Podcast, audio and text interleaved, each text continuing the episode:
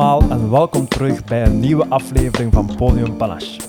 We hebben een korte zomerstop gehouden, maar nu zijn we helemaal terug en uiteraard zit bij mij co-host en man van de techniek en flauwe grappen, Sander Dierik. En natuurlijk hebben we ook nog altijd onze gast. Ze debuteerde als dichter in 2018 met Tot iemand eindelijk. Een jaar later publiceerde ze Massastrandingen, een kaleidoscopische bundel waarin de destructie van onze leefomgeving centraal staat. Ze won er de J.C. Bloemprijs mee. Ze staat graag en veel op het podium en is oprichter van de Klimaatdichters, een Vlaams-Nederlands dichtersverbond dat met poëzie in al haar verschijningsvormen strijdt voor een klimaatvriendelijkere wereld. Daarnaast werkt ze aan een boek over licht dat in februari 2022 verschijnt. Welkom, Moja de Feiter. Dank u wel.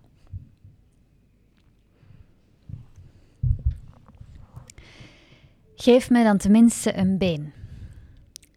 Ik zal erop passen tot je opnieuw je hele gewicht kunt dragen. Je tenen bloot en ontvankelijk als vrijgelaten vlinders. We krabben, want anders splijten we op een gegeven moment in tweeën. Bij nader inzien zijn we toch niet zo aanraakbaar. In een bibliotheek kun je heel lang op de grond tussen twee kasten vol boeken zitten wachten. Het kan helpen om met een zware koffer door de stad te lopen. Het is dan duidelijk wie je bent, namelijk iemand die met een zware koffer door de stad loopt, en wat je bezit, namelijk een zware koffer. Je gaat ergens naartoe, je hebt een bedoeling. Je bent iets aan het proberen, namelijk de zware koffer van de ene naar de andere plaats brengen. Dat is voor iedereen heel erg duidelijk. Dit was een stukje uit Massastranding, mijn tweede bundel. Uh, dan heb ik een paar nieuwe gedichten bij. Uh, eentje dat eigenlijk een drieluik is. Het heet Een doorschijnend drieluik. Dat ik heb geschreven naar aanleiding van een samenwerking tussen Poëziecentrum en uh, Sampel, Samenleving en Politiek. En het gaat als volgt. 1. Dit is een stijgerend boterbloempje. Een kerstboom op de dool. Een hond, ooit wolf. De maan trekt weg uit de stad. Het papier herinnert zich het bos. Kraaien vermoeden een verband. 2. Je maakt een kind van warm vlees en lichte dromen van wapperende witte vlaggen, van alsmaar uitdijende lettergrepen, of van de korst die voorhanden was, in de hoop dat het een plek vindt om naar terug te keren. 3. De planeet heb ik nog nooit gezien. Ik heb een paar straten gezien, een paar koeien. Ik kan niet uit eigen ondervinding zeggen dat ze rond is, of aan de ene kant donker en aan de andere kant licht. Ik moet er genoegen mee nemen dat anderen zeggen dat oceanen bestaan. En ergens ook nog altijd dieren die niet uit voederbakken eten. Um, dan een gedicht dat ik heb geschreven voor een samenwerking met uh, Poets for the Planet. Naar aanleiding van uh, COP26, de klimaattop in Glasgow in november. Moeder.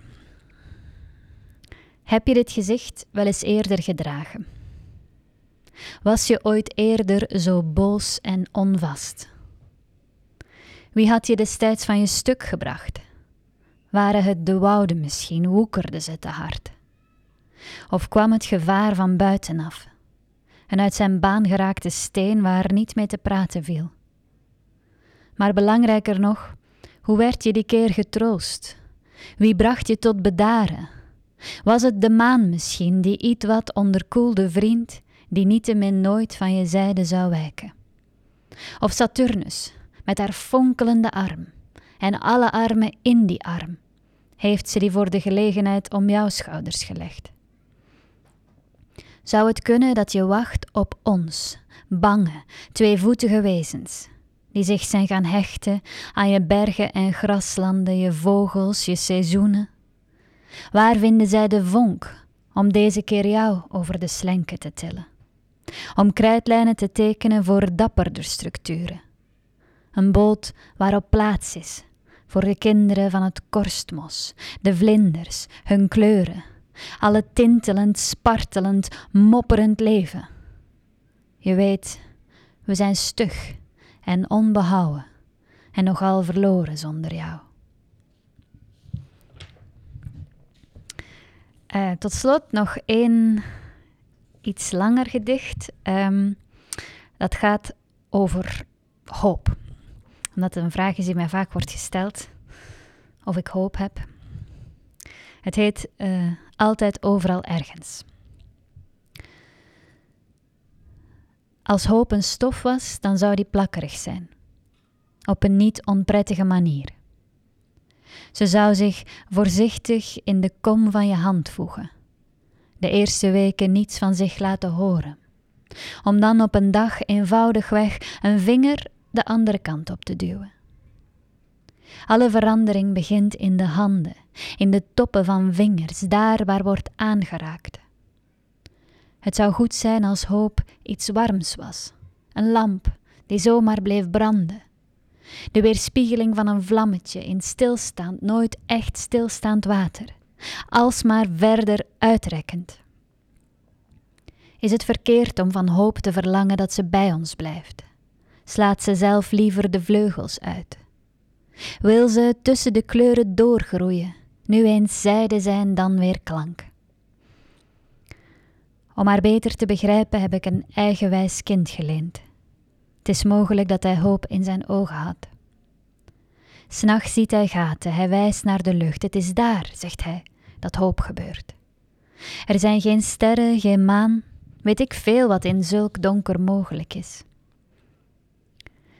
Zelf hoop ik dat hoop een vrouw is, die ik ooit mee naar huis kan nemen na een nette dronken dans in een nette muf café. Dat ik het dan voor één keer van haar kan overnemen. Dat ze niet hoeft te schitteren, geen baken of pier hoeft te zijn, niemands glans of heil. Een neerzijgend lichaam dat ik zou dragen. Verwilderd haar dat ik zou strelen, stuk gewerkte spieren die ik zou kneden. Broze huid, waarvoor ik een vlies zou maken. Buiten zou ik haar dan zonder woorden tonen hoe majestueus het donker is.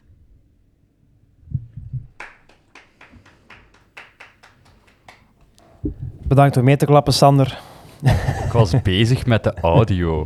Nee, nee, nee. Uh, dank u wel, Moja, voor de mooie voordracht. Um, papier die zich het bos herinnert. Zeer mooie zin, vond ik Hele mooie zin. Ja, absoluut. Ja. Um, er wordt aan u vaak gevraagd of je nog hoop hebt. Ja. Waarom? Vragen mensen dat? Of, of wat is de aanleiding daarvoor?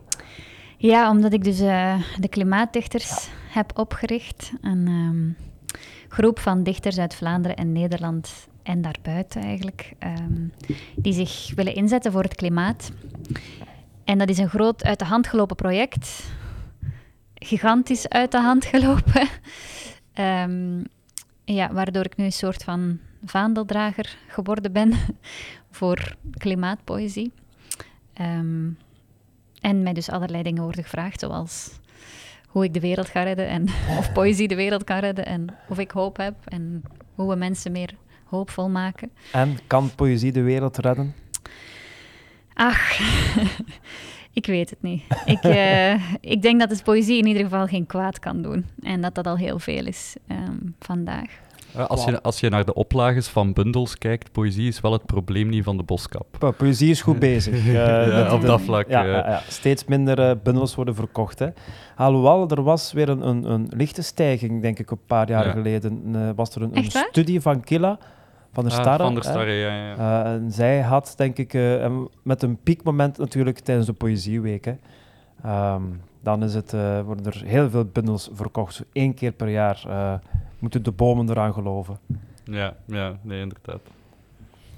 Maar ja, je, je, begint al over klimaatdichters. Dat is natuurlijk iets um, dat het laatste... Hoe lang ben je ermee bezig? Twee jaar? Nee, of, of, of een jaar zelfs. Anderhalf jaar. Anderhalf jaar. Dat is inderdaad iets dat enorm uh, gegroeid is. Dat, dat mijn denktank en heel veel mensen die zich erbij. Zelfs ik heb van een bevriende dichter uit Nederland, uh, waar ik mee samen in het A-Water... Um, ik heb nog columns geschreven voor A-Water en zij zat, zij zat, daar ook bij. En plots vroeg ze mij van... Hey, ik zie dat jij bevriend bent op Facebook. Moja, kent jij die? Ik ben mega geïnteresseerd in de klimaatdichters. Dus, Echt waar? ja, ja, ja, echt waar.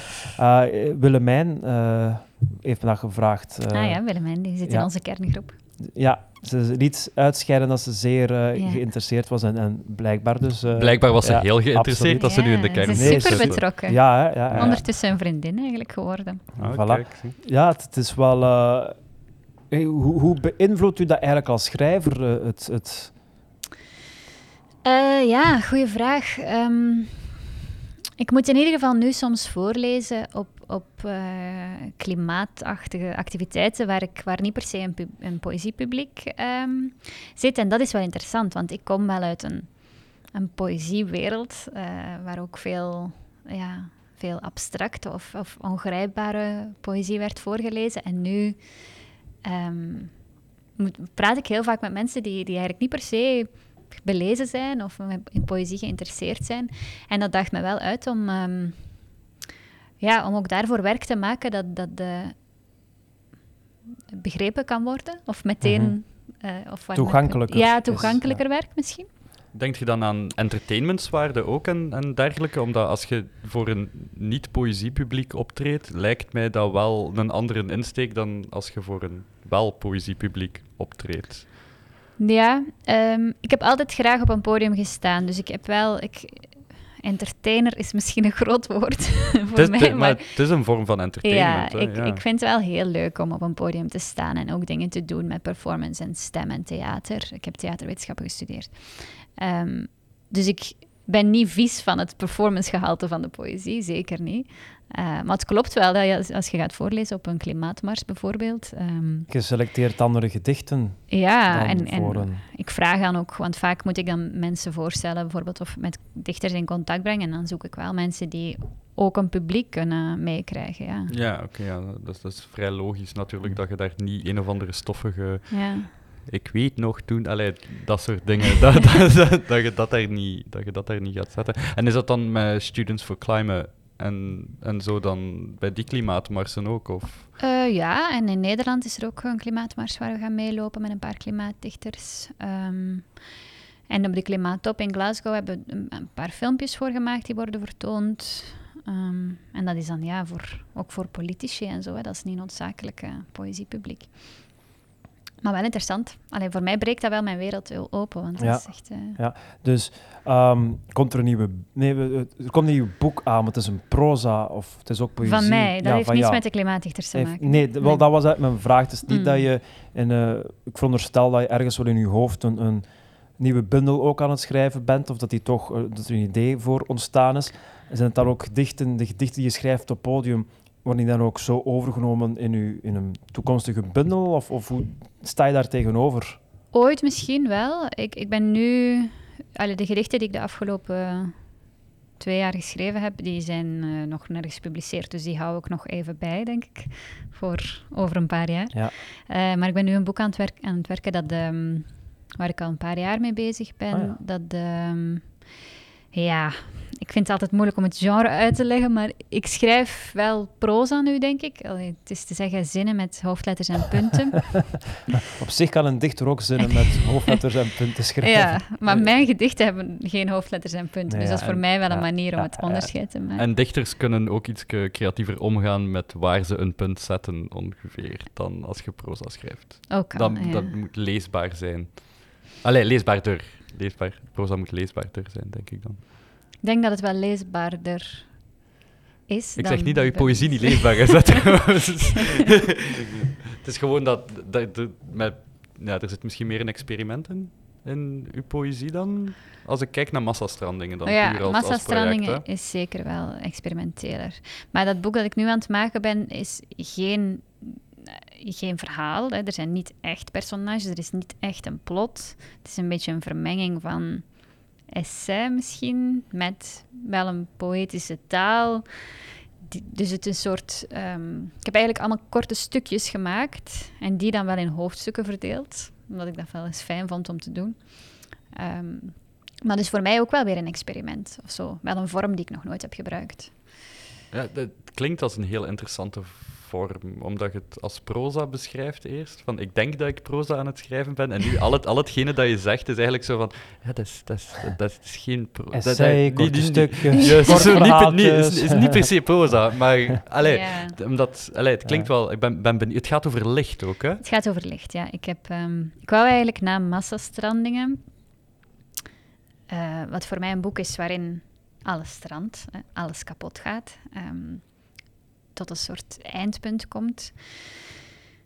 Ik moest daarna omhoog, of opwaarts zeg ik altijd. Ehm, ik wou ja, vooruit of zo, of, of eh, opnieuw het licht in. En dus dacht ik, oké, dan zal ik een boek schrijven over licht.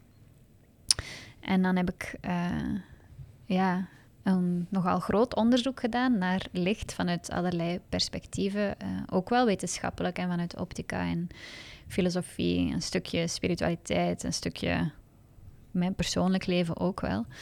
Ehm, en dan vanuit dat onderzoek stukjes tekst gemaakt. Oké, Dus- spannend. Dus het is ook een beetje een raamvertelling dan eigenlijk. Het is zo puzzelstukken van overal nemen en dan eigenlijk Ja. zelf je puzzel knippen om ze te laten passen. Als dat een beschrijving kan zijn, ik weet het niet. Het zou mooi zijn als het, als het past. Eh, ja, En dat is dus voor februari eh 2022. Ja, Oké. dus dat is al redelijk snel hoor, want Ja. ik ben er nu al ongeveer aan het afwerken. en is, er, eh, is bij dezelfde uitgever? Bij Vrijdag, Bij ja. Vrijdag ook. Oké. Ja, nee, ik ben, ik ben, ja. ben, ben heel Leuk. benieuwd. Ja. Bij deze alvast, hè, mensen die aan het luisteren zijn, ehm, je hebt alweer iets eh, om je geld aan te spenderen. Ehm, we hebben al heel veel aangeraakt waar ik het heel graag, of we het heel graag met u zouden over willen hebben. Ehm, maar misschien moeten we een keer teruggaan, allee, of moeten we gewoon naar het begin gaan voor u. Eh, waar is het voor u begonnen? Of weet wel nog een betere vraag? Ik ga de vraag aanpassen. Moja, hoe gaat het met u? Het gaat goed, ja. Eh, ik heb de hele dag in Gent doorgebracht. En Gent is voor mij nogal onbekende stad, dus het voelde een beetje toeristisch. Van waar ben je? Eh, ja, ik woon in Antwerpen, maar ik ben eigenlijk opgegroeid in Hasselt. Oké, Dus- Oké. Ja. dat heb je mooi kunnen verbergen. Ja, inderdaad. Dank je. Nee, nee, dat had, had, ik, niet- had ik niet verwacht. Nee, ja, ik, ben, ik woon ondertussen wel al tien jaar in Antwerpen. Ah, Oké. Ehm, maar ja, dus ik heb een beetje rondgelopen in de stad en dan hier gewerkt. En, hoe, hoe En, vind je eh, het hier? Ik vond het mooi, eigenlijk. Mooiste, Mooie stad, stad. Mooiste, mooiste Ja, stad ja, van ja, Vlaanderen, ja. Ah ja. Is het, het, het, het Brugge van Oost-Vlaanderen? Of er is zo'n term voor Gent, hè? want Brugge is zowat het, eh, Het de Venetië- mooiste stad van het Venetië van het noorden, inderdaad. Ja. Maar Gent is wel eh, Mooier, ik, ja. ehm, Hmm. nou ja, minder toeristisch.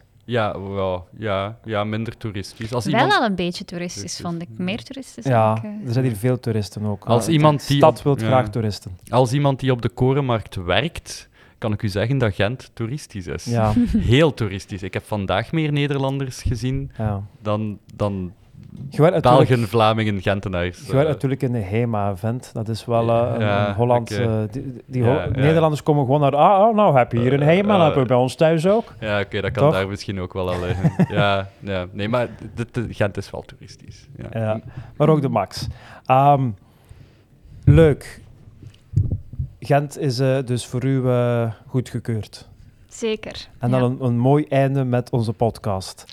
Ehm, je hebt ook, eh, eh, want allee, voordracht, we hebben het al gezegd, of eigenlijk heb je het zelf al aangegeven, je treedt heel graag op. Het is wel iets waar je graag mee bezig bent. En je hebt Mhm. ook eh, frappant gewonnen, de voordrachtswedstrijd. en daardoor heb je nog in de finale hebben we van het Belgisch kampioenschap Poetry Slam gestaan. Want toen ook leren kennen, want we zaten daar, denk ik, we Ja. zaten daar samen. Ik denk zo- dat je nu naast mij zat, of, of nee, maakt niet uit. Maar we zaten daar samen zo in de muntpunt vooraan, op zo'n de Ja. gereserveerde stoeltjes, ook helemaal vooraan. Zodat we elkaar extra goed konden bekijken. Ehm, dus voordracht, hoe belangrijk is dat precies voor u? Ja, ik vind het gewoon heel leuk. Eh, belangrijk, ja. Eh, ik doe dat heel graag. En ik vind het een heel fijne manier om, om contacten met, maken met een publiek en om teksten uit te testen. Eh, dat theatrale element vind ik interessant. Alles wat met stem te maken heeft. ehm, dat is wel een- iets waar ik me in thuis voel. Het voelt heel comfortabel. Ook minder eng dan papier, denk ik. Want ik ben altijd bang om ja, nieuw werk te delen als dat zo gedrukt en in een boekje en dat is maar op een podium, ben ik veel minder bang. Dat is eh, ja. een van de weinige keren dat ik dit hoor van iemand. Ja, ik, ik ben, ik, ik ben volledig daarmee eens. Mhm. Dat is, op papier is het finaal. Hmm. Precies, alsof dat, dat gedicht daar bestaat in een, in, een rechthoek slash vierkantachtig iets en dat dat daar niet buiten... buiten als je op een podium staat, je kunt dingen veranderen, zinnen aanpassen, eh, meer vertellend gaan beginnen werken en zo. Er zijn zoveel mogelijkheden, maar als je het op papier hebt, heb je het op papier en dan is dat gedicht, dat bestaat dat gedicht enkel zo, Mhm. op de een of andere bizarre manier. Denk ik dan, zo bij mezelf, om tien uur s'avonds. Nee, maar... Toch? Nee? Ja, nee, ja, ja, geen mening niet, over? Ik weet het Ja? niet. Ik, ehm, nee, ja, ik, ben ook heel lang weggebleven van papier. Het is pas nu dat ik aan mijn debuutwerk, dat ik eh, gedichten echt inderdaad vormgeef op papier. Maar eh, ja, goed, maar het gaat, het gaat niet over mij. Ehm, ik, ehm, ik weet het niet goed. Je weet het. Eh, ik, z- teksten zijn inderdaad wel organischer op een podium, want je kunt spelen met je flow. Op een gegeven moment, eh, ik deed een tekst al jaren op een manier en nu ben ik langzaamaan de flow ervan aan het veranderen, van een keer een andere manier van voordracht proberen. En dat, is, dat kan inderdaad niet met papier, maar ik vind papier niks eng. Ik vind papier vrij Ja. eng, persoonlijk. Het is wel zo dat eh, ja, als je debuteert, dan is dat er. En dan gaan mensen daar dingen van vinden. En sommige mensen keuren dat dan af en andere mensen hemelen het op. Maar het is wel een soort dan... Ja, ga ik nooit meer vanaf, hè, van dat debuut. Dat Ja. voelt wel... Ja. Onlangs heb ik, eh, ben ik mijn debuut tegengekomen in De Slechte, in de tweedehands boekhandel. Ja, dat was toch wel... Hier in Gent? In, nee, in Antwerpen. Ah, nou, keer in Antwerpen, nee. Nee, het is wel een hele goeie, de slechte. Ja, Ja, de dat slechte- is wel een ja, goede boekhandel, maar Ja. toch dat is wel confronterend. Dat, dat is, eh, ik, denk, ik ben nog maar net begonnen en toch, of ja, nog maar net een Hoe paar lang, jaar. hoe lang geleden is die gepubliceerd? Ja, je hebt het zelf verteld. In, eh, 2018. 2018. Ik heb het inderdaad zelf verteld. Ik besef het net ook, eh 2018. Ja. Ehm, maar ja, drie jaar geleden. ja. Maar ja, Ja. je weet dat. wa- wa- Was het een, een, een grote oplage dat hij in de slechte lag? Of was het één? Eentje, één- Maar dat kan van iemand zijn die jammerlijk genoeg gestorven is. Maar, allee, Die jongen, dat- zo, zo, Allee. echt zo, het gaan zoeken zo. Ja, maar die is dood. Die Ja. is dood. Dat kan Maar niet ja, anders. kan nee. toch? Nee, is dood. Als het eentje is, is het niet per se gelijk Ramsch of zo. Allee, dan... Nee, allee, nee, ja. tuurlijk niet. Maar ja, ik stelde mij dan zo voor dat er dan een persoon denkt die dat leest en dan denkt van ja, dit is toch echt niet goed, laten we het maar terug naar de winkel brengen. En het is, dat is ook wel interessant, hè, want dat is hoe het gaat en elke schrijver maakt dat mee, maar eh, dat gebeurt pas als je hebt gepubliceerd. Dan pas... En heb je dan hem gekocht om zoiets te hebben van... Nee, Nee. Mij, gaan ze, niet- mij gaan ze hier niet vinden tweedehands. Hè? Nee, nee, nee, nee, nee. En we laten... Ik zie u dat echt nog doen. Het zijn een- de, de mens die, die zo scant aan, uw foto staat er niet op. Oké, ja, dan gaan ze het niet, eh, gaan ze het niet doorbrengen aan de kassa. Ja. Nee. Dat is zo gelijk mensen die, dat- die dan een show maken of zo en die op DVD uitbrengen die zelf gaan gaan kopen in de FNAC gewoon om te kijken wat dat, dat geeft. Ja. Het zijn mensen, hè, ja. Maar ja, waarom niet? Waarom niet? Ja. Ik vraag me dan af wa- wat, ik zou doen als ik dat zou ik met een bundel tegenkom. Zou ik dan niet hebben van nee, mij gaan ze niet tweedehands of misschien eh, net wel.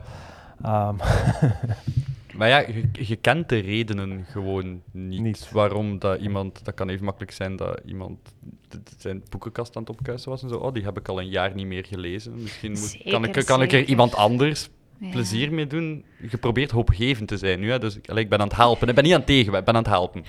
Nee, maar... Ja, ik denk niet dat ze hulp nodig heeft. Ja, nee, maar- ze het ja. verwerkt heeft. Het was ook niet zo'n heel grootsdroevig moment, maar eh, het is soms wel even goed om, om ja, te beseffen van oké, het Je is... bent niet op je knieën gevallen en beginnen wenen. Nee, eh, nee. voilà. Wat dat wel een mooi beeld zou zijn in de slechte, denk ik. Zo omgeven door allemaal boekenkasten vol boeken. Nee, oké, maar... dat- dat Allemaal verstoten boeken. Allemaal verstoten boeken, ja. ja tussen de Ramsch. Dus eh, ja. ja, dat zou een mooi beeld zijn, toch? Nee, oké. Ja, misschien. misschien. Ehm, schrijf jij eigenlijk voor een publiek als je schrijft? Als je, ja, ik bedoel, nu heb je het al meer aangegeven, denk ik, met de klimaatpoëzie. schrijf Mhm. je al meer voor een bepaald publiek. Maar heb je dat altijd al gedaan? Of... Ja, ik denk dat iedereen die schrijft toch wel iemand wil bereiken op een of andere manier. Dus ofwel wil je dat mensen het lezen of dat ze komen luisteren naar een optreden. Ehm, maar ik vind het altijd een beetje gek als mensen schrijven. Ik schrijf gewoon... eh, als mensen zeggen dat ze schrijven alleen maar voor de kunst of alleen maar voor zichzelf, dan denk ik, ja, maar waar, waarom dan of zo? Hè? Ik, eh, ik wil natuurlijk wel mensen bereiken met mijn werk. Ehm, maar ik probeer me niet aan te passen aan een publiek of niet dingen te maken met het oog op wat een publiek ervan zal vinden. Of, of uh, trucjes met een publiek. Zoals, ik, ik heb een, een, een, trucje in een tekst voor mij gestoken waarbij dat ik... Uh, zijn de mensen van, even van mijn t-shirt schoon. En meestal krijg je, oh ja, schoon, schoon, schoon. En later in de tekst kom ik terug op, en mijn t-shirt komt uit de Primark, vind je me altijd schoon? Hmm. En, en, dat, en allee, je mocht gerust boer roepen. Dus ik, zo wat, ik speel er zo'n beetje mee en dat werkt. Dat is heel aanstekelijk en, en dat werkt kei goed. En zijn dat het soort dingen dat je dan, waar je ook aan denkt? Of... Dat heb ik nog nooit gedaan, denk ik, zoiets. Maar ik, ik denk, ik snap wel dat dat werkt. Dat dat wel interessant is voor een publiek. Als je ook ehm, dat live evenement vermengt met iets wat voorbereid is. En ja. zo'n beetje de vierde wand doorbreekt. Dat vind ik wel interessant. Maar ik ben niet zo, ik ben ook geen hyper-originele performer, denk ik hoor. Ik, uh, ik vind het gewoon leuk om, om voor te dragen en, uh, en wel te spelen met ritme. Ja, um, ja dat heb ik wel gemerkt net tijdens uw voordracht. Uh, ik denk dat je wel uh, bewust bezig bent met de klem, waar dat je klemtonen legt en met pauzes houdt. En ik denk wel, allee, of, of dat gaat gewoon heel natuurlijk bij jou, dat kan ook.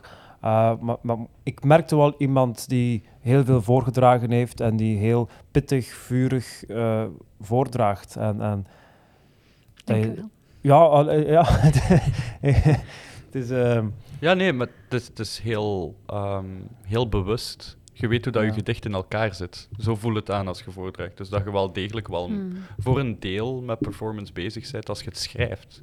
Ik schrijf ook sprekend of zo. Of ik lees heel veel luidop terwijl ik schrijf. Echt luidop?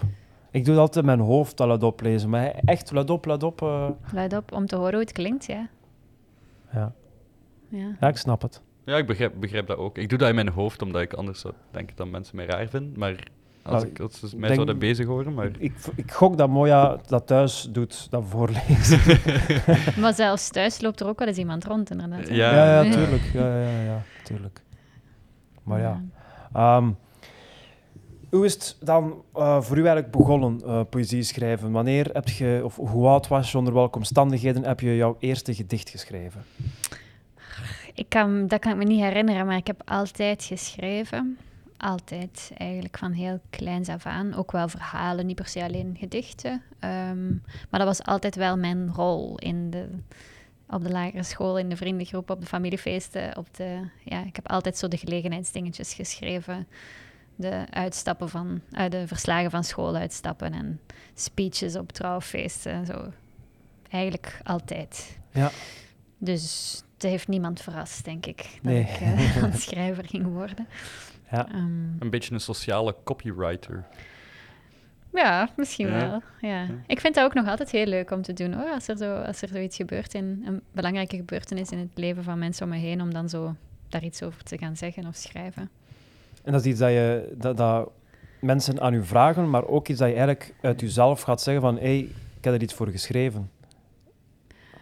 Uh, ik ga mezelf niet opdringen oh, nee, ja, maar op, ja, een, op een trouwfeest of zo. Maar, maar, ja, mijn vrienden en familie weten dat ook wel gewoon. Dus als ze dat willen, dan zullen ze dat wel vragen, denk ik. Ja. ja. Ik heb het ook nog wel gedaan. Zo voor mijn vrouw waren verjaardag zo een gedicht geschreven en dan uh, op haar verjaarsfeestje voorgedragen. Dat is wel leuk.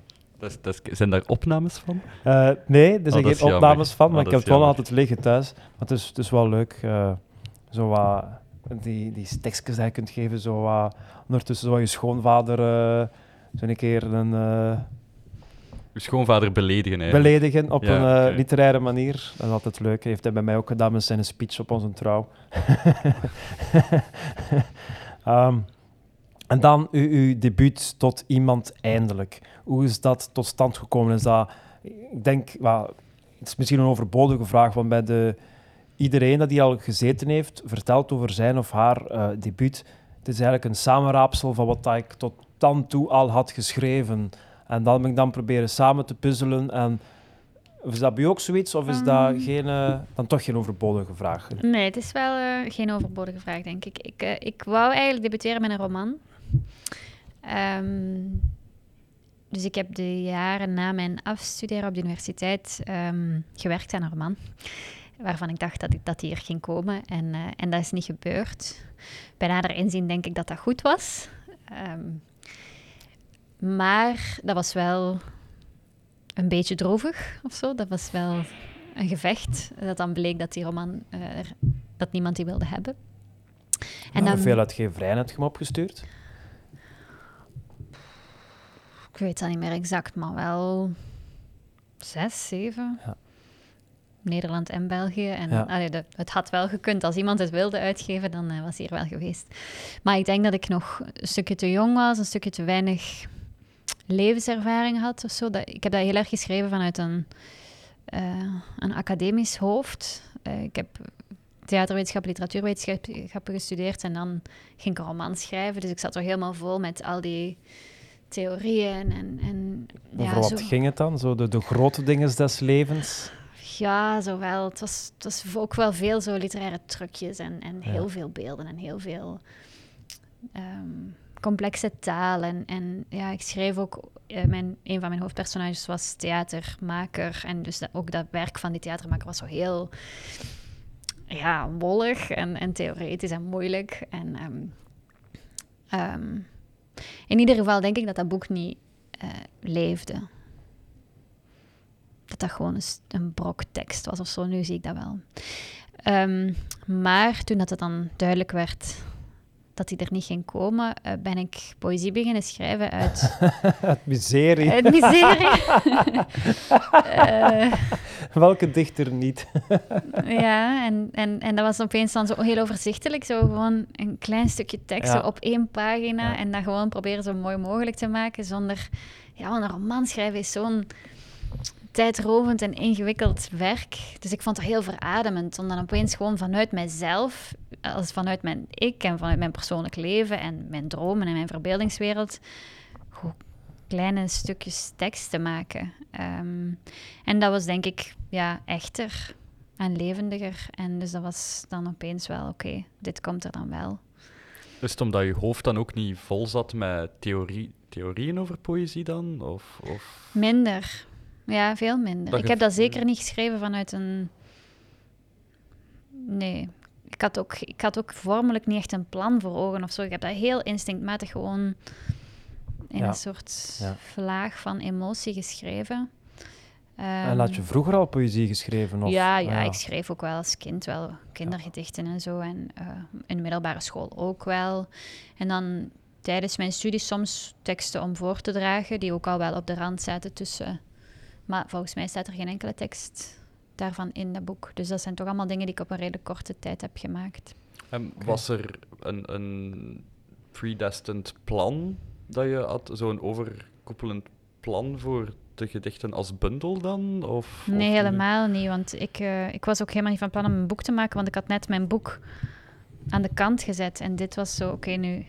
Ik heb altijd willen... Ik kan ook niet niet schrijven, dus ik, ik ging dan maar door met gedichten schrijven om omdat dat opeens heel bevrijdend voelde, maar ik had niet het gevoel, ik ben nu een boek aan het maken met die gedichten.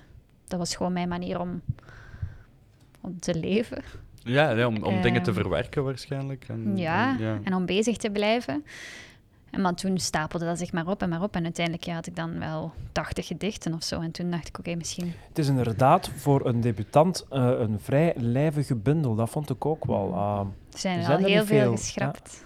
En heel veel geschrapt nog ja, bij? Natuurlijk, ja, natuurlijk. Ja. Ja. Um, ja, en ook de poëziewedstrijd van de Universiteit Antwerpen gewonnen. Was ik uh, ook al. De, de prijs Guy Kommerman. Dus het is wel... En ik zie de eerste publicatie 2017, dus het is wel een, een, een steile wending genomen. Hè. Poëzie schrijven bleek wel vrij snel heel duidelijk uw ding te zijn. Ja, dat, dat leek wel aan te slaan, ja. Heel droogjes, ja, ja, ja. dat werkt wel. Um, en dan uw, uw, tweede bundel, zeg maar, is die niet een, een jaar later gepubliceerd? Of, of dus er ja. zit niet veel tijd tussen, hè? Een jaar en twee maanden, geloof ik, of zo, ja. Dus dat wel aan een snel tempo. Ja, ja maar daar had ik wel een plan, hè. Daar zit veel meer over nagedacht dan die eerste. Dat zijn weer 112 pagina's. Ja. Dat is, dat is veel. Voor, allee, ik ben jaloers op iemand die zoveel kan... Soms staat er niet veel op een blad, hè. Maar nee, één ja, zinnetje. ja, ja oké. Maar dat is ook wel deel van het geheel dat dat één zinnetje is op een, Ja, op een wel. pa- ik, was, ik was enorm geboeid wel door de manier waarop dat bundel samengesteld is. En op een gegeven moment eh, was ik in mijn zetel aan het lezen en de papieren zijn zo wat vuil. Mhm. Ja, ja, hoe ja, verder ja, dat je ja. gaat. En ik dacht echt, heb ik die nu ergens gelegd? Is, is, is, is- heb ik hier ergens een vlek in mijn living dat ik niet weet waar dat natuurlijk... Die een boek is vuil. En dan pas begon ik door te hebben van, oh Mhm. ja, dat is zo geprint. En Mhm. dat kan aan mijn warrig hoofd liggen, maar allee, dat, dat had wel iets op die moment. En, eh, ah, wat is de bedoeling daar juist achter? Is dat een soort van vervuiling? Of, of, Ja, ik heb Ja. met een vormgever samengewerkt hiervoor, met Jurgen Waalschot, die tekenaar is en, en eh, grafisch vormgever. En we hebben samen gezocht naar een manier om, verschillende manieren eigenlijk, om die, dat stranden of dat kapot gaan, die destructie, niet alleen weer te ge- geven inhoudelijk, maar ook in de manier waarop het boek vorm krijgt. En er zijn soms ook zo letters die naar beneden vallen en... Hm. ehm, bij, is ook zo, het- bij fluistert, dat, ik weet, het is ergens in het begin Ja. van de bundel, bij fluistert dat die fluistert zo vager wordt. En ja. je leest dat al fluisterend in je hoofd. En dat was, dat was heel leuk. Ik heb daar juist nog eens tijdens mijn pauze op het werk nog een keer doorgebladerd en wat, wat, wat gelezen. En dan was ik zo, ah, dat, dat, dat was echt mooi en, en leuk, omdat zo... Ja, ik vind, ik vind een hele... Het is een hele performatieve manier van schrijven op papier, als je, als, if it makes sense.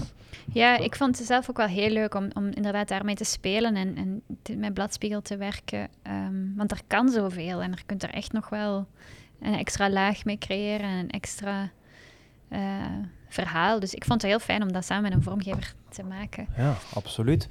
Ehm, en ik ben altijd heel erg geboeid. Heb, heb je een ehm, schrijfritme? Eh, allee, we hebben hier ja, ons Uber-voorbeeld, eh, nog heel lang, ons meest extreme voorbeeld blijven, denk ik, is eh Delphine Comte, die hier de- in onze eerste aflevering te gast was. En die zei, ik sta op om vijf uur, ik schrijf een gedicht, tegen de zeven ben ik klaar ongeveer. En eh, ja, dat is net van, wat, zo vroeg opstaan om dat gedicht, die, die puurheid te gaan opzoeken, Hmm. zo gedisciplineerd, geen dag rust nemen. Ze zei, ja, dat zei ze ook, ik neem geen dag rust of ik heb schrik voor verval.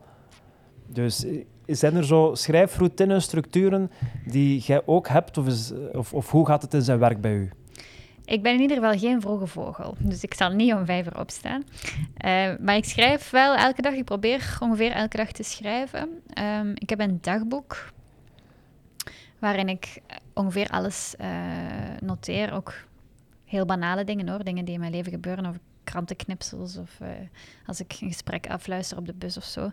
Ehm, dus Het is heel mooi om toe te geven dat je gewoon gratuit afluistert. Ja, en je hebt niet veel mensen die dat toegeven. Iedereen doet het. Iedereen Ja. doet het. Ik zat op de maar- bus, ik had toevallig eh, wat mensen gehoord. Ja, zo, zo begint het meestal. Zo, ja. heel beleefd Vlaams. Ja. Zo, ik wou niet luisteren, ik wou wel luisteren.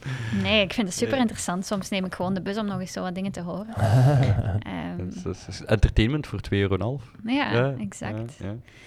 Maar ik bewaar alles. En, en dat is niet altijd natuurlijk schrijven. Hè. Dat is niet dat ik ga zitten en denk ik ga nu een gedicht schrijven. Maar ik probeer wel elke dag iets op te schrijven. Waardoor als ik dan een gedicht wil maken of een stukje tekst, dat ik dat boek als, als een soort archief kan gebruiken. En, en details van dat, van dat. Zodat ik nooit met, dat, met die witte pagina Ja. Ehm, zit. Ah, het is wel een, een heel aparte manier. Ik heb nog nooit iemand gehoord die zo te werk gaat. Dat is wel interessant. Het is heel geïntegreerd in uw leven. Ja, Ja. Dat is een- super ja, geïntegreerd. Ja.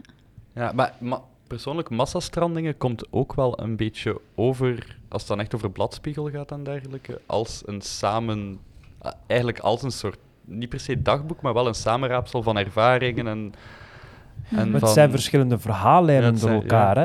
Ik, ik vind ehm, in vergelijking met uw debuut, waar het eigenlijk meer een klassieke vorm is, gedicht, gedicht, gedicht, misschien een cyclus van enkele gedichten, is dit wel. eh, het, is, ja, het wordt ook eh, omschreven door jezelf als een, een proza-gedicht. Het is eigenlijk ehm, een hele puzzel met door elkaar lopende verhaallijnen. Het gaat meer richting proza. Ehm, hoe, hoe is dat idee eigenlijk ontstaan om daar ja, toch iets anders mee te doen dan dat je in, in meestal in een poëzieshop, zoals hier, hè, want we zitten uh, in, in het poëziecentrum, zoals je hier gaat tegenkomen, zoveel dingen op deze manier, zoals massastrandingen gecreëerd is, denk ik niet dat je er hier drie gaat uithalen. Heel weinig, ja. Mhm. ja. Ehm, ik weet het niet zo goed. Ik, voor mij voelt het heel natuurlijk en heel gewoon. Ehm, het was zeker niet de bedoeling om iets heel geks of experimenteels te doen. Ik, eh, ik, was met een aantal, ik zat met een aantal thema's in mijn hoofd. Ik was heel gefascineerd geraakt door walvissen. Dus dan ben ik Wel heel, heel gefascineerd, hè? Ja, heel, heel gefascineerd. Ja. Eh, dus ik heb heel veel onderzoek gedaan naar walvissen, heel veel documentaires gekeken. ehm, proberen te begrijpen wat dat probleem van massastrandingen... Ja, dat weet je dat een bestaand wetenschappelijk ding is. Hè? Dus die, die walvissen die collectief stranden op de kust. Waarom weet niemand. Ehm, ja, dat vond ik heel fascinerend. Dus ik had een stuk walvissen in mijn hoofd. En dan ehm, dat verhaal van die familie in dat huis. Ja. Ehm, wa- was ik ongeveer tegelijkertijd aan het schrijven. En dan over die sinaasappelboom Hm. ook. En dan... Ik had, ooit, ooit heb ik wel eens al die stukjes...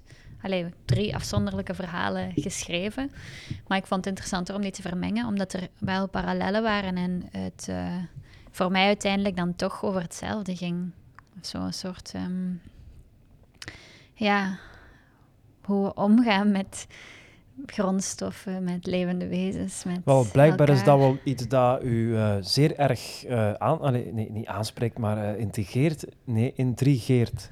ja, dat was de juiste Yes, uitspraak. ik heb hem. Ja, heb Ik heb hem.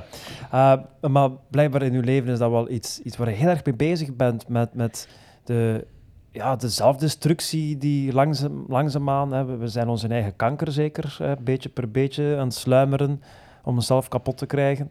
Zo voelt Ehm, massastrandingen ook aan. Niet per se als kanker, maar als... Niet per se ook zo, zo hè. Niet per se. nee, als in van... Het is een, een massastranding van de mensheid op zich, als van een, van een Hmm. meute mensen ook. Precies. Zo, Nee, zeker, Er zit ja. heel veel eenzaamheid en ook een beetje... Een, vind, vind ik... Allee, is mijn lezing ervan. Hè. Dat kan totaal niet de bedoeling, maar er zit heel veel eenzaamheid in ook. En zo heel... Ja... Alsof dat niemand echt goed weet waar het naartoe gaat. Nee. Ja, van waar die Ja. fascinatie voor dat thema dat heel erg uitgepuurd is in uw, in uw tweede bundel? Ja, ik ben nu wel heel bezorgd. En ehm, Je bent gewoon een van die mensen die zich iets aantrekt van de wereld. Die- Je is zo'n een, een wereldverbeteraar. Ik weet niet of ik een wereldverbeteraar... Ik ben, Nee? ik ben niet... ehm, ik heb niet zo de moed en de daadkracht van echte activisten Ja. die de straat op gaan. Ja. Dus dat... Ja, ik kan het dan toch alleen maar doen via, via de taal of via de poëzie, denk ik. Maar ik, ben, ik maak me wel heel veel zorgen. En ik vind wel echt dat er... Ja, dat er heel veel fout loopt. En ehm, dat het moeilijk is om daar niet, niet over te schrijven en niks over te zeggen. En ik denk net dat veel mensen uit eenzaamheid... eh, ja, maar gewoon doordraaien in het systeem en verder doen. En, en Ja. Het is een algemene tendens binnen Ja. poëzie, hè, die de laatste jaren wel opvalt, dat er meer en meer terug maatschappij eh, of maatschappelijke gedichten zijn in de vorm van die toch wel kritiek durven te uiten, wat heel lang heel erg verboden was. Ik weet nog, toen ik begon met slam poetry, was het ook zo wat, ah, eh, de maatschappij kritische dichters, ze zijn er terug. En werd er ook een beetje op neergekeken. In bepaalde hoeken nog altijd, maar bij jongere generaties, het is toch meer en meer terug in, in trek aan het geraken Mm. en het is... Het Ons- wordt terug geaccepteerd, denk ik. Voor, voor mij voelden massastrandingen als meer aan dan enkel klimaatproblematiek. Er zit heel veel, ik zeg het, er zit tristesse en eenzaamheid en, en ehm, isolatie. Ook voor een heel groot Hmm. stuk in, in, in, in hoe dat ik het lees. En zijn die, die drie verhaallijnen, wat je hebt het er daar juist even over gehad, die drie verhaallijnen dat je dan had, hebben die echt alle drie naast elkaar bestaan of zijn die interwoven geschreven dan? ik, heb die, ik was die op hetzelfde moment aan het schrijven. Ehm, maar heb op een bepaald moment beslist om ze in één document te zetten. Ehm, en ze dus op elkaar te laten reageren. Dat is heel interessant. Omdat voelt niet aan alsof dat ze op een bepaald moment afzonderlijk van elkaar bestaan hebben. Hmm. Het voelt echt aan alsof dat ze constant pingpongen met elkaar. Precies. En dat is, dat is wel heel ehm, fris om te lezen, als dat sens houdt. Ja. Ja, als dat steek houdt. Ho- steek Hoe is uw bundel eigenlijk ontvangen bij het publiek en in de literaire kringen? Want er is wel de, de JC Bloemprijs, heb je wel eh, een heel mooie onderscheiding die je ervoor gekregen hebt. Mhm. Uh, het verbaast mij, en dat heeft niks te maken met uw werk, maar met hoe dat poëzie in Vlaanderen wordt opgevat. Ehm, het is wel een goede aarde gevallen, denk ik. Zeker. eh, ja, ook een paar mooie recensies gekregen en dan inderdaad die prijs gewonnen. Ehm, grote eer. Maar ik denk niet dat dat per se betekent dat hij veel gelezen wordt. Eh, ik denk dat het... Ja, Dat hebben we dat straks al gezegd, hè? dat is misschien nog Ja. iets anders. Maar volgens Ja. mij is mijn, bun, mijn debuut door veel meer mensen gelezen Ja? dan mijn tweede bundel, denk ik wel. Ja. En, en wat, wat is de, of misschien, dat staat er niet in, hè, wat de oplage is van uw, uw debuut? ja, dat weet ik ook niet zeker. Maar ik, mijn, mijn eerste bundel heeft een tweede druk eh, gehad en mijn tweede bundel niet. Nee. Dus dat is toch wel, want dat gaat dan over een paar honderd exemplaren. Dat is weinig, hè? En, eh, en dat is niet opgeraakt. Ja, dus dat, dat verbaast... Allee, verbaast. Ik, ik vind het straf om dan te zien dat je dan inderdaad een paar goede recensies krijgt en prijs wint en dat dat dan uiteindelijk... Je denkt dan, ik heb een publiek opgebouwd, krijg je nog wat extra aandacht, mijn, mijn tweede boek is goed, maar... eh, maar eh, ik denk wel dat het goed is. Ik, ik ben er wel trots op, op, op de een of andere Tuurlijk, manier. Maar ja. ehm, het blijft toch moeilijk, hoor, om mensen... te ja, bereiken. En zeker te laten lezen, want ik denk dat ik al veel meer mensen heb bereikt met optredens dan met mijn boeken. En we, hebben het daar straks natuurlijk al, al voordat we de podcast begonnen eh, eh, besproken. eh, maar ja, sociale media natuurlijk ook. Denk, dat is... ja, mijn ding is het helemaal niet, maar uw ding is het, dacht ik ook niet. Ehm, Ik zit op Facebook wel ehm, en ik, heb, ik gebruik Facebook alleen maar voor literaire projecten. Dus ik maak daar reclame voor als ik optreed of iets gepubliceerd heb. Ehm, maar dat is alles. en denk je dat, dat allee, die afwezigheid op een Instagram of zoiets ook, of TikTok of wat dan ook, dat dat bijdraagt tot een, een mindere gekendheid of mindere verkoop, dat sowieso niet zo hebben uitgemaakt. Dat gewoon poëzie is, geschreven poëzie in, in boekvorm, dat in het algemeen... eh, Eh, weet ik niet. Ik, ik weet heel weinig over Instagram en TikTok. Ik weet eigenlijk niet goed hoe dat, dat- hoe dat die wereld werkt. Ehm, heel fake. ja, Dat is altijd mijn eh, aanvoeling Ah, geweest. hangt, hangt er een beetje van af. Je hebt goede dingen ook. Eh, ik zit Tuurlijk. niet zo heel veel op, eh, op Instagram of zo, maar bijvoorbeeld het button poetry. Wat, als het dan echt over poëzie gaat, hè. je hebt Ja, ja. button poetry Ah, ja, uit de ja. VS en zo. En like, als je de goede mensen volgt, gelijk een Kay Tempest, die volg ik. Kay Tempest Kay, ondertussen. Kay, Kay. Ja, Ik dat is zei ook Kay, waar. ik Ja, zei nee, nee, Kay, ik het zei is Kay, een, eh, ja. Ik zei. Kay. Eh, en, en Raymond Antrobus en zo. Als je die mensen volgt, dan is dat niet fake. Dan zijn die gewoon echt met projecten bezig en zijn die keihard aan het gaan voor wat ze goed vinden. En, Ja, maar dat zo- draagt is- bij tot meer mensen die u gaan volgen en tot meer verkoop aan uw bundel, Ja, denk maar- ik. ja, ja, ja, ik denk bij... Ja, Toch? Een bepaalde het is- zichtbaarheid. het is een, de, de Anglo-Saxische wereld werkt ook anders dan onze wereld, denk ik dan. Dat. Als je niet op tv bent geweest, dan bestaat je niet. Hè. Ja, Delphine heeft het hier ook gezegd. eh, door haar eh, tv-verschijningen zijn er bundels... De verkoop is weer een pak de lucht ingeschoten. Maar dan nog, zei ze, had ik het eigenlijk wel iets meer verwacht. Had ik wel verwacht dat er Mhm. iets meer verkocht ging worden. Is het mensen niet kopen geen eh, dichtbundels. Dat is nee. echt maar een heel klein groepje mensen dat poëziebundels koopt. Ik denk, eh, Maar- ja. Ik vind het op zich ook niet... Ik heb niet de ambitie om beroemd te zijn of zo. Nee, ik, zou niet, nee, ik, ja. eh, ik zou niet overal willen moeten opdraven en mijn gezicht moeten laten Mm. zien en mijn mening over dingen geven. Zeker niet, hoor. Ik, ik ben eigenlijk wel best tevreden met hoe het nu gaat. En als mijn uitgever mij wil houden, dan... En van wat kom jij dan rond als ik dat vraag? Heb jij, doe je nog iets naast het schrijven? Nee, ik met hem af. En wat, en wat is uw echte job? Nee, nee, ik vraag me Eh. gewoon af, kun je hiervan rondkomen? Of Ja. heb je nog iets hiernaast ook? Of, allerlei projectjes? Of... Eh, Ja, dus ik verdien een beetje geld met optredens en af en toe een publicatie in een tijdschrift of zo. En dan ehm, meestal geef ik een paar maanden per jaar les. Of ehm, nu geef ik drie uur per week eh, creatief schrijven aan volwassenen. Ehm, dus ik doe zo vaak af en toe een lesopdracht en dan de rest van, maand, van het jaar eh, schrijf ik. Of een heel kleine lesopdracht, om zo toch nog iets, iets van zekerheid te hebben. Want eh, met corona was het wel ja, als ik heel, toen ik helemaal geen optredens meer had. En, en hoe heb je dan... Of, ja, hoe, hoe doe je dat dan? Hoe, hoe heb jij de laatste twee jaar kunnen eh, overleven, zeg maar? Want het is toch overleven soms, hè, als Soms je dat wel. bekijkt. Ja, ik heb vorig jaar heb ik een half jaar online les gegeven, Nederlands aan anderstaligen. Ja. Want ik heb ook Nederlands gestudeerd en ik heb een lerarendiploma. Ja. Wat helpt. Ja. Dus ik kan, allee, als ik in geldnood zit, dan, dan ga ik even les geven. Wat ik ook heel fijn vind. Ik geef eigenlijk heel graag les. Ehm, en Maar je hebt Nederlands gestudeerd nog na je literatuurwetenschappen of theaterwetenschappen was het? Ja, in Antwerpen kun je dus Nederlands studeren met theater, film en literatuurwetenschappen. En dan in de Aha. master heb ik gefocust op theater. En dan een lerarenopleiding. Mon, Oké. Mon heeft dat ook gestudeerd. Theaterwetenschappen, ja. En aan, aan de UA. Ja, ja, dat Ja, weet ik. Aan, ja. aan UA. Antwerpen, dus, eh, dus dezelfde richting. Maar hij heeft hem dan gefocust op film. Hmm. Dus, ja, eh, ik weet ja. het niet meer. Maar, Dat is ja, een heel interessante opleiding hoor. Echt Ja. heel leuk. dat is de enige in Vlaanderen die die Maar in Gent kun je ook theaterwetenschappen doen, toch, denk ik? Eh, kunstwetenschap, Kunstwetenschappen, kunstwetenschappen met focus op theater Ah, ja. in uw master, denk ik. Maar ik denk niet dat er een richting echt theaterwetenschappen bestaat. Ik Zoals denk dat er in Gent geen woordopleiding bestaat in het eh, hoger onderwijs. Ja, dat is Dat enkel, is enkel in Antwerpen. Ja, dat is enkel in, Ja. Arte- in dat je dat kunt, eh, dat je dat kunt volgen. Dus ja, ja, het is echt wel enig in zijn soort in Vlaanderen, denk Mhm. ik dan. En het lesgeven helpt u dan eh, af en toe. En, en eh, heb je het makkelijk om een opdracht te krijgen? Want is het Nederlands een, een felbegeerde positie? Allee, ja, vaak leerkrachten. gevraagd. Er zijn te, een groot tekort aan leerkrachten. het valt te zien Dus- welk vak. Hè.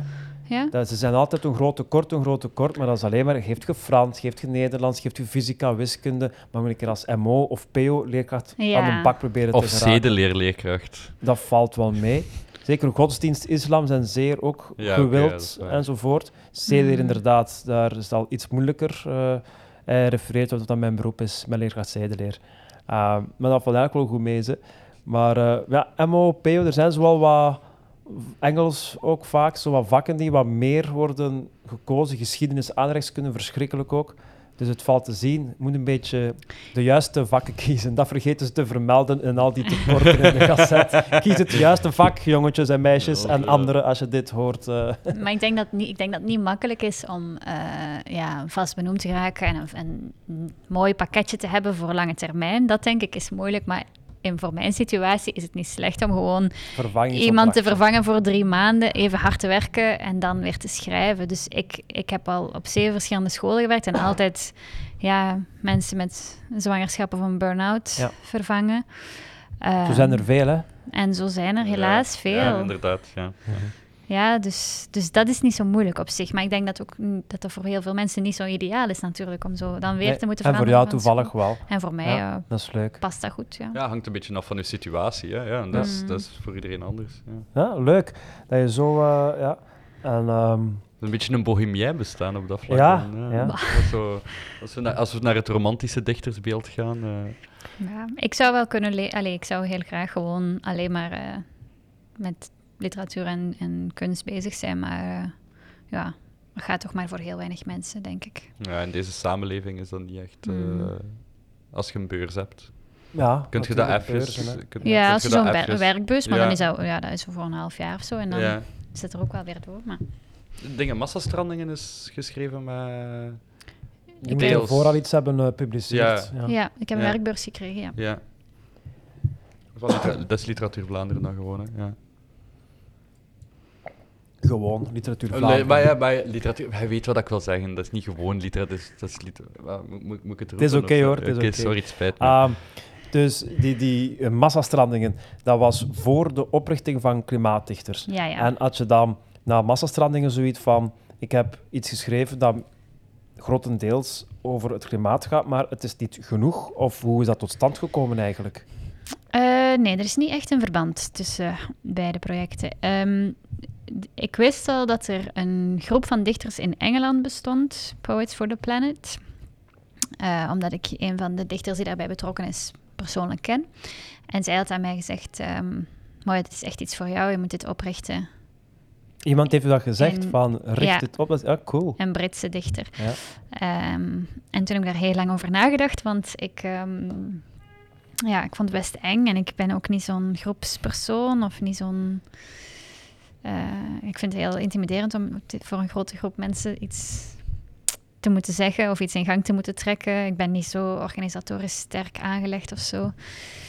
Ehm, maar ja, ik denk met het begin van die coronacrisis was ik zoals iedereen wel een beetje verloren. Zo dacht ik, en wat nu? En ehm, toen heb ik de stap gezet, ja, om een mail te sturen. Gewoon echt naar een klein groepje mensen in eerste instantie, op met de vraag wie wil meedoen. En die mail heeft zich verspreid en verspreid en verspreid en verspreid. En nu zijn we 200. Ja. Dus dat had ik niet zien aankomen hoor. Leuk, hè? Ja, wel heel leuk. Dat is ook een, een hele dikke bloemlezing uh, Ja. van klimaatdichter. Er is een, een bloemlezing al verschenen bij Ja. vrijdag. En ehm, ja, dat is wel een mooi project weer dat erbij is kunnen komen. Dat was het eerste wat we hebben gedaan, omdat ehm, we elkaar niet konden zien. We mochten niet afspreken, ehm, want we hadden al snel een gezelschap met mensen in Nederland en in België. En dat was onmogelijk om, om, om evenementen te organiseren, bijvoorbeeld. Dus het, dat was iets wat we konden doen, een boek maken van achter onze computer. En, eh, en de uitgeverij was enthousiast, dus dan hebben we dat gedaan. Het is, het is een mooie uitgave ook. Het is een displayboek op mijn poëziekast. Oh, wat Ja. een eer. Ja, wow, wow, rustig. Eh, nee, dit, dit is ook gewoon een, mooie cover. Het is, eh, Rustig. Een tekening van eh, Charlotte Pijs, dat is een Ah, illustratie. ja, ja, wat ik, eh, ah, ja, ik zeg het, het is een, eh, het is een displayboek. Ja. Een T.S. Eliot staat erachter. dus dat, is- dat is een beetje een eer. Ik ben wel een Eliot van, maar ja. Ehm, dus, dus daar straks, we hebben het daar straks al over gehad. Hè. Ehm, al een deeltje gehad over de klimaatbeweging, de klimaatdichters. Ehm, het, het beïnvloedt dus eigenlijk wel op dit moment een deel van je schrijverschap, aangezien dat je dus wel ja, gedichten, je komt op avonden terecht met, met mensen die niet per Mhm. se daar zijn voor literatuur, maar meest rond klimaat doen. En oh, er is ook een dichter bij, moet ik me zoiets voorstellen, want dat is toch vaak al bij mij op, er is oh, er is ook een dichter bij. Zo wat het gevoel geweest. Zo, de, de randanimatie zijn Ja, zo. De ja. randanimatie, oh, er is ook een dichter bij. Eh, bestaat dat nog? En, eh, is het dan zo meer dat je dan echt, echt wel teksten moet schrijven die, waar je mensen mee kunt grijpen? Of is het opnieuw van, nee, ik, ik schrijf nu voor een publiek, ik schrijf en ik draag gewoon heel graag voor en dat groeit wel vanzelf? Of... Ja, we doen met de klimaatdichters van alles. Hè. Dus het is, eh, allee, voor een stukje beantwoorden we de vraag van organisaties die inderdaad een dichter zoeken die het evenement even komt eh, opleuken. Dat gebeurt. Eh, maar we organiseren zelf ook projecten. We hebben zelf ook al wel een paar programma's in elkaar gestoken. Ehm, afgelopen zondag bijvoorbeeld hebben we een klimaatdichtersevenement in Antwerpen georganiseerd rond klimaat en meertaligheid met dichters in zeven verschillende talen en daarover ook een, interview en performances. Eh, en dat is iets wat we zelf helemaal hebben gemaakt. Ehm, en we, maken, we zijn ook een podcast aan het maken, ook een podcast, Ah, aha, aha.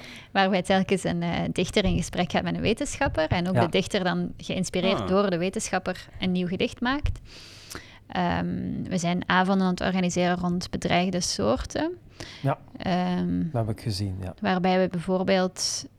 Ja, ik heb me een beetje gestort op... ehm, De walvis? nee, niet op de walvis. op de schildpad. Waar ik ook al wel lang eh, ja, een speciaal band mee heb. Eh, en het probleem aan lichtvervuiling en strooilichtvervuiling. Dus nu heb ik, eh, schrijf ik gedichten... Ja, veel, ik heb een gedicht geschreven over zeeschildpad die dan ja, in het nauw komt door de overvloed aan licht. En dat zijn dingen die ik misschien niet gemaakt zou hebben als het project er niet was, maar misschien ook wel. Ik probeer wel altijd een, een, een soort link te zoeken met iets wat mij persoonlijk Ja. raakt. Of, ehm, maar dat gedicht over hoop, ehm, bijvoorbeeld, heb ik geschreven tijdens een residentie met de klimaatdichters, waarbij een internationale residentie, waar ook iemand uit Duitsland, uit Engeland, Nederland ehm, en ik dan bij was. En die Duitse dichter, die had ons een soort workshop gegeven over eh, het concept hoop. En dan Hm. hebben we bij wijze van ja, opdracht aan elkaar eigenlijk allemaal een gedicht geschreven over hoop. En dus dat soort oefeningen of, of ja, gelegenheidsgedichten, maar dat is een beetje een neerbuigende naam, maar dat soort dingen ontstaan wel door al die samenwerkingen en dwarsverbanden die ik nu aan het aangaan ben. ja, dus ja. in die zin ja, beïnvloedt dat mijn werk wel. En eigenlijk, daar straks zei je, ik, ik ben niet degene die de straat op gaat, maar ondertussen hoor ik, je bent ook dankzij de klimaatbeweging wel degene geworden die op de straat op gaat, maar dan wel met poëzie. Ja, ja en ik wil, ik wil het eigenlijk graag allee, zoveel mogelijk de andere dichters ehm, naar voren schuiven. Ik zou op termijn liever een beetje op de achtergrond uh, blijven, maar ik denk voor veel organisaties is het ja, die vinden het wel interessant om dan de persoon die het gestart heeft uit te nodigen. Dus ik, ik moet wel vaak uh, het uithangbord zo wat gaan vertellen. Ja, het is het gezicht van de organisatie dan. Hè. Maar ik wil, het is echt een collectief, dus ik, ik, ik hoef niet per se die rol uh, te hebben. Ik denk dat het nu wel goed is om het project op gang te trekken. Uh, maar daarna ga ik met veel plezier de stok doorgeven. Oké. Okay. Um, heb je als dichter nog dromen te verwezenlijken? Of wat zijn de toekomstige dingen? Of als mens naast de dichter, dat, dat mag zeker en vast ook. Je bent meer dan alleen een dichter. Ja. Oh. uh, ja, in de eerste plaats hoop ik nu een mooi boek te maken. Um, wat wel spannend is, want het is dus geen dichtbundel, dat in ieder geval niet. Dus mijn dichterspubliek of zo zal, uh, zal ik misschien hoe klein het ook is, ook verliezen. Nee, stel je voor. Uh, nee, ik hoop wel ja, mensen aan te spreken die niet per se in poëzie geïnteresseerd zijn of, of soort, een soort ander publiek um, te vinden. En ik hoop gewoon dat het, dat het uiteindelijk een goed boek wordt, want ik ben er wel, ja, het is toch altijd, gaat toch altijd gepaard met ja. grote onzekerheid, zo een nieuw werk maken. En, en voorbij het boek? Zo voorbij nog echt het boek. dingen dat je op lange termijn ziet, zo, wat zou Moja graag nog doen in haar leven? Ja, wat zou ik graag doen? Um, ik, ver, ik verwacht geen al te zotte dingen. Ik wil gewoon dat, um, dat het leven rustig is en veilig en, en dat, ik, dat er geen verschrikkelijke dingen gebeuren. Dat de mensen die met dierenwaar zijn nog niet te snel doodgaan. Dat ik kan leven van mijn werk, dat ik niet in diepe armoede terechtkom, dat de planeet niet vergaat. Allee. Wat een ontzettend Vlaams antwoord. oh ja, zo. Ja, ik verwacht rustige dingen, dat de planeet niet vergaat. Oké. Ja. ja, ik, zal heel, ik wil het wel gewoon een rustig, aangenaam leven hebben. En, en dat is al veel gevraagd hoor, want er, ja, er gebeuren de verschrikkelijkste dingen. En het, het, het, wordt heel snel niet rustig. Ja, ja dat, is, iets dat, hoe, hoe, ouder dat ik word, hoe meer dat mij dat opvalt, is dat hoe, hoe snel het niet rustig wordt. Dat ook niet vooral door kinderen te hebben. Ja, dat ook. het is nooit rustig in mijn huis. Nee, maar ik wou, ik wou nog één iets aanhalen voor, voordat we afsluiten, is dat...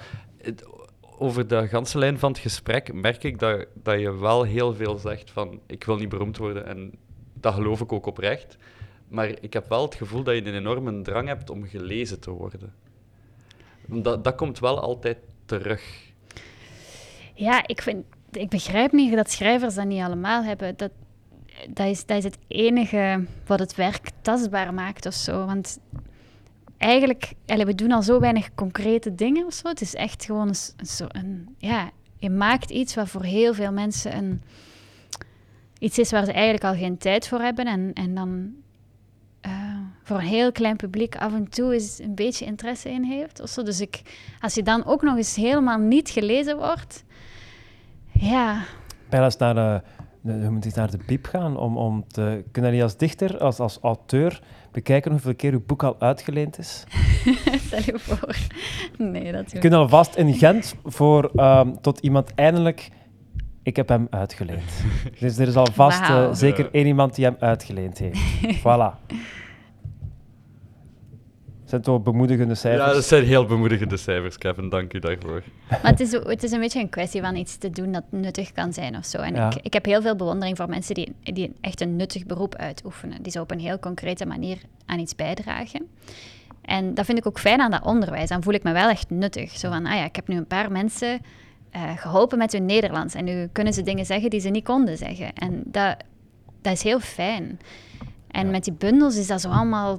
Dat is ook het gevoel dat ik krijg bij, bij lesgeven, ja. Eiler Het is zingeving, hè? Het is, het is één op één. Ja. Het is één op één. Je doet iets en er volgt iets. Ja. Dat een bundel is, gepubliceerd iets en. Ja. Je weet niet wat dat ermee nee. gebeurt. Ja. Ik, heb, uh, ik heb ook een laatste vraag. Um, je zegt net van, ja, de, die zingeving, je wilt iets doen voor de mensen. In hoeverre denk je dat de klimaatpoëzie, de klimaatbeweging die je nu aan het, op, aan het uitvoeren bent, in, geeft dat voor is dat iets dat voor u dan zingeving? Denk je dat daarmee dat je iets gaat kunnen veranderen? Dat je, wat, wat hoop je te bereiken van verandering? Of wat denk je dat het kan bijdragen aan een, een verbetering van ons klimaat? Wat... Dat is een grote vraag om mee te eindigen. Hè? Ehm, ik hoop in ieder geval, ik, nee, ik vind wel dat, dat kunstenaars een soort verantwoordelijkheid hebben om in hun werk of daarbuiten te reflecteren over wat er in de wereld gebeurt. Dus ik, ik vind het bizar om je daarvan af te sluiten of zo, alsof, alsof die wereld niet bestaat. Ehm, gaan we de wereld redden? Hm, weet ik niet. Uh, we gaan misschien op heel kleine schaal een paar mensen kunnen inspireren, een beetje geld kunnen inzamelen voor een klimaatproject, een klein beetje druk kunnen uitoefenen op een politieke beslissing. Hè. Dat, zijn allemaal Ehm, heel kleine snippertjes van iets. Hè? Dus er, er gaat veel meer moeten gebeuren dan alleen dat.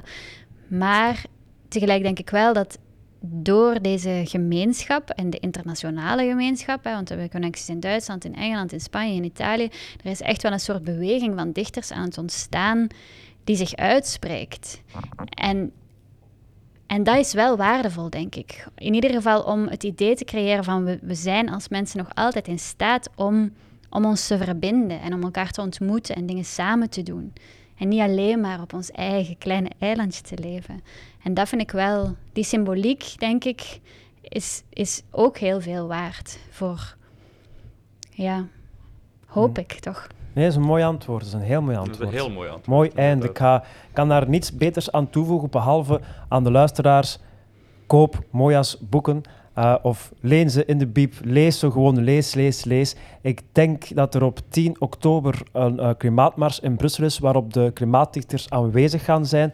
Dus als je een van de klimaatdichters of Moja, als je er zelf ook gaat zijn, wil ontmoeten, dan kan je altijd daar naartoe gaan. Zeker doen. En dan... Uh, ja, dit is toch een, een vrij podium straks, uiteraard. Ik ga aankondigen, maar ik wil eerst en vooral Moja van harte bedankt om hier bij ons aanwezig te zijn. Dank jullie om mij uit te nodigen.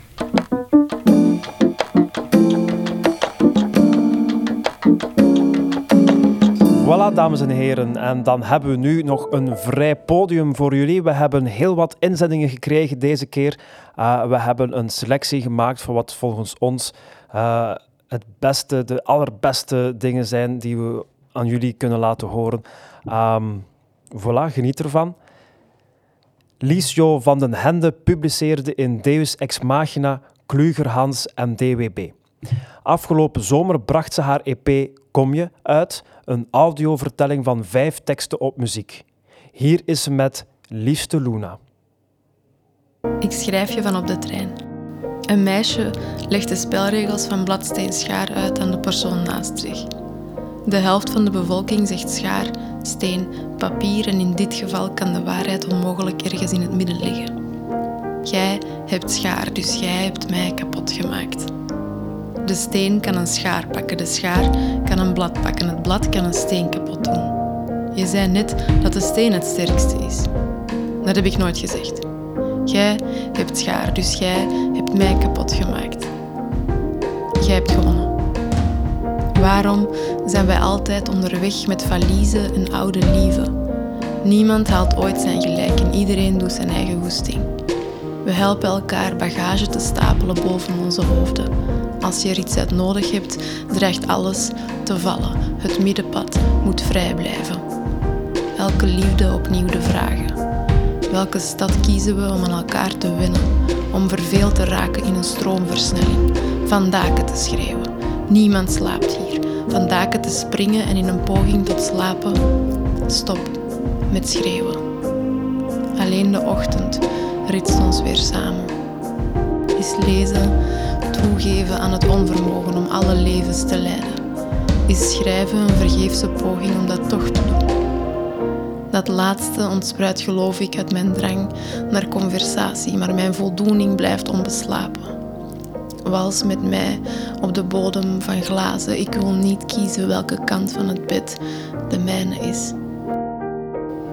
Bij het schrijven twijfel ik tussen woorden als kwijtraken en achterlaten. Hoe lang is het geleden dat iemand je passie deelde? Eens je groot bent, deelt niemand je obsessies, deel je met niemand je obsessies. Niemand kan nog lief hebben als het paardenmeisje van de klas. Het briefpapier. De ringkaft. Weet je nog, toen ik je smeekte niet voltijds te gaan werken voor de mensen. Voorspelde hoe je zonder licht in je ogen thuis zou komen. Wij raakten jaren de stad niet uit, bang voor wat ze ermee zouden doen. We getuigden van wegenwerken, plastische chirurgie voor straten en lanen en altijd de vraag of het origineel niet onze enige thuis was. Hoe vertel ik jou dat we niet meer botsen, het blad wint van de schaar? Verlangen is zo traag dat het kraakt in de zomer. Uitzet. Teleurstelling als shocktherapie voor verwachtingen. Zonder licht in je ogen is schaduw een noodzakelijk bewijs van aanwezigheid. En jij hebt gewonnen. Lou Meshraoui, en ik hoop dat ik dit juist uitspreek, uh, gaf dit jaar hun dichtbundel Het Dichterdier uit bij uitgeverij Partiza. Je kan haar trouwens een e-mail sturen uh, als je daarvan nog een kopij zou willen bestellen. Uh, geniet van het gedicht waar de relatie met de moeder centraal staat. Moeder. Moeder, ik mes je. Op de raarste dagen tussen de zon en de regenvlagen. Moeder, ik wist het. Ik wist dat het niet ging. Ik wist dat je het wel probeerde om de zere te overleven, om de tidden om te keren, om mamie te geven. Moeder, ik mis je. Tussen mijn stappen op het zoveelste zippad, tussen de schemer en de morgen, tussen mijn dromen en mijn zorgen. En ik wist het. Ik het wel. Voor hier was ik wel van taal maar voor u was leven de hel.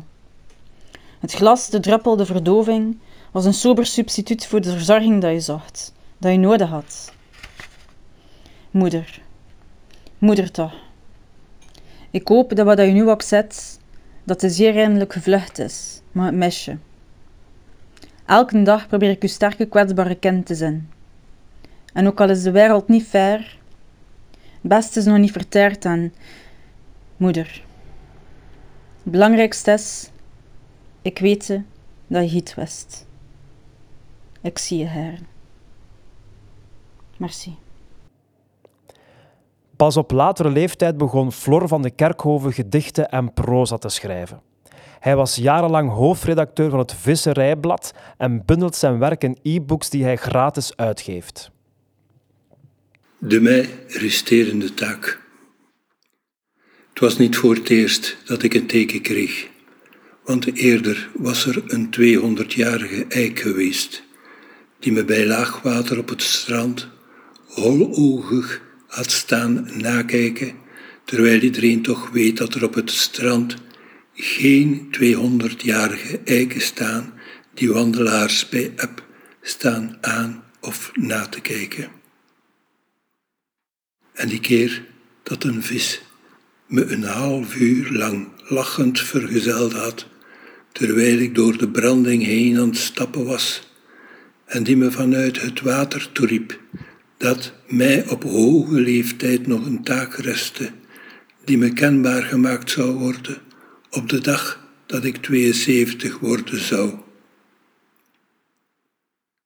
Daarna viel de winter over het land en toen het vrijdag 12 februari geworden was van het jaar waarin ik 72 werd, omgorde ik de oude hartslagmeter en nam mijn narrenstok ter hand en in guur weer trotseerde ik de bries om tot aan de plek te waden waar ik de vis tot mij had horen spreken. Maar omdat dit dingen zijn die nooit geschieden zoals aangekondigd, maar onvergoeds en buiten je weten om, liep ik op die dag dat ik 72 werd, vergeefs door tijskoude water tot aan de strekdam, alwaar ik de duinen traverseerde en waar mijn teleurstelling ver in de bossen van Vlaanderen onvergoeds een storm ontketende, zo hevig dat herten en reeën en wilde zwijnen eraan te gronden gingen en bomen ontworteld geraakten en geveld. En al wat ik daar zelf van zag, was een regenvlaag die ver van mij over het land aan trekken was.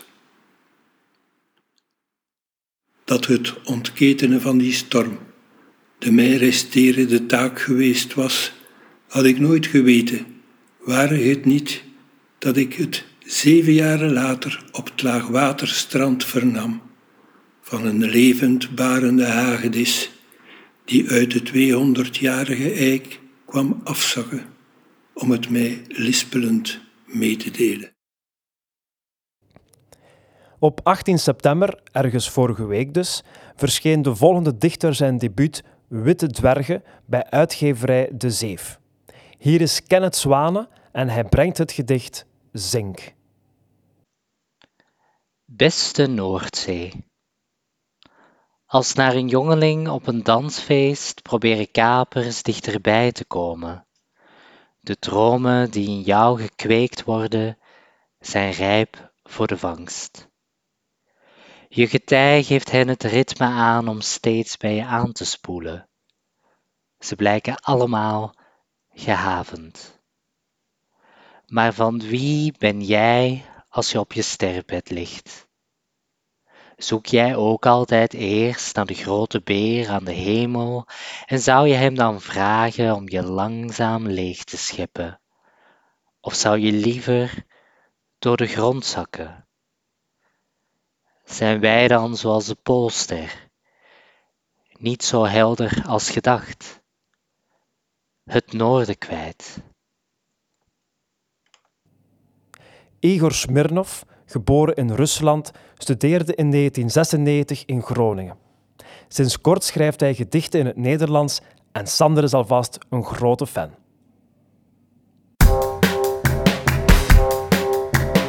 Volg mij op Instagram. Volg mij op Twitter. Volg mij buiten Amsterdam. Kies je favoriete. Zoek mij in TikTok. Word abonnee op YouTube. Onder invloed van herfstbok. Lig ik op strand van Aruba. Zoek, zoek. En zoek. Ik ben Botox jongen. Hier vlakbij om de hoek. Spel ik bongo bongo. Master van korte verhaaltjes. Praat ik in camera dorpse dialect. Win-win. Talfuithaltjes. Maak uw plakka. Iana lekt. Iana lekt plakka. Iana Talfuithaltjes. Voilà, dames en heren, dan rest er mij en, en anderen. Dames, heren en anderen. Dan rest er mij niets anders meer dan jullie heel hard te bedanken om te luisteren naar onze vierde podcast alweer. Eh, Sander, dank wel om hier te zijn. Uh, Moja, nogmaals bedankt en alle dichters die hebben ingezonden. Heel hartelijk dank. Uh, en jullie natuurlijk, ik hoop dat je er iets van vindt. Je mocht het altijd laten weten wat je ervan vindt. Stuur ons de mail podiumpanache.gmail.com of uh, via onze Facebook, gezien maar. En um, dan wil ik nog onze partners uiteraard bedanken voor hun steun. En dat zijn niet in het minst Literatuur Vlaanderen en ons allergeliefde Poëziecentrum. Grote dank. Ciao, tot de volgende keer.